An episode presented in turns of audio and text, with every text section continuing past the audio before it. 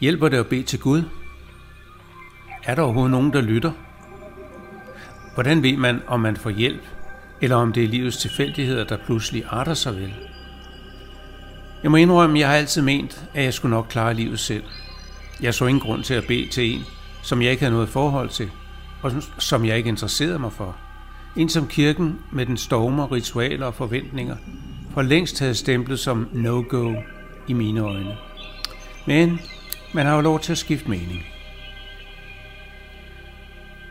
Her kommer ode nummer 81, ode til bønden.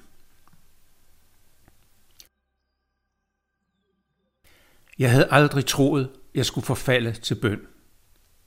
At bede om hjælp fra oven faldt mig ikke ind. For jeg har altid ment, at livet, det var noget, jeg nok selv skulle klare.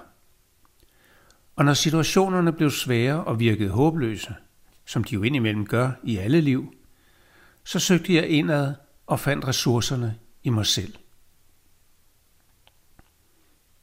Nu sidder jeg så her, 70 år senere, og tænker, jamen det gik jo alligevel. Og som jeg husker det, savnede jeg aldrig kontakt med himlene. Da jeg mødte kosmologien og hørte folk tale om bøn, tænkte jeg bare, dem om det, gør det dem godt, så fint. Og kosmologien stillede mig frit. Lå mig plukke præcis de frugter, der gav mening, og lad de andre ligge.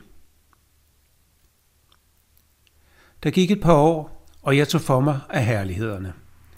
Jeg plukkede næste kærligheden, så rummeligheden, lidt tøvende også reinkarnationen. Og en dag stod jeg så uventet foran bøndens træ. Jeg havde brug for lidt støtte, lidt ro og selvsikkerhed. Jeg skulle holde et foredrag. Mig, som hader at stille mig op, og som frygter det. Jeg stod lidt foran træet og overvejede.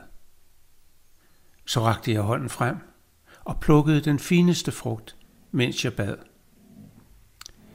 Kære himmelske far, hjælp mig med at være mig selv. Og så gik jeg ind og holdt det mest fantastiske foredrag, som det var mig muligt at holde. Udelukkende fordi jeg var fuld af tillid til altet.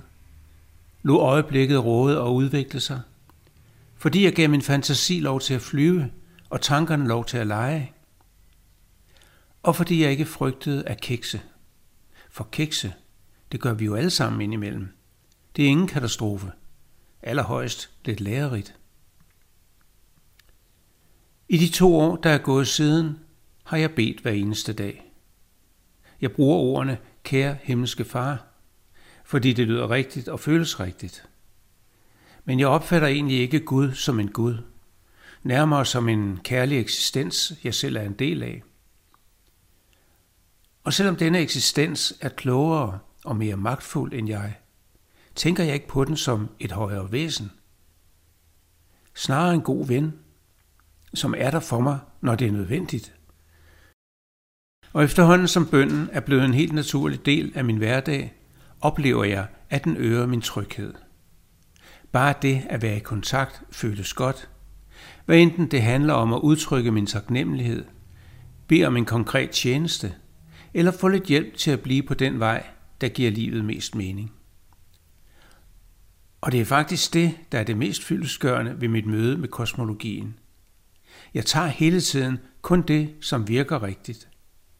Og det mærkelige er, at det er der stadig mere, der gør. Helt uden at jeg tænker på det og søger det. Og på den måde finder brikkerne stille og roligt deres plads i min opfattelse af alting. En efter en efter en.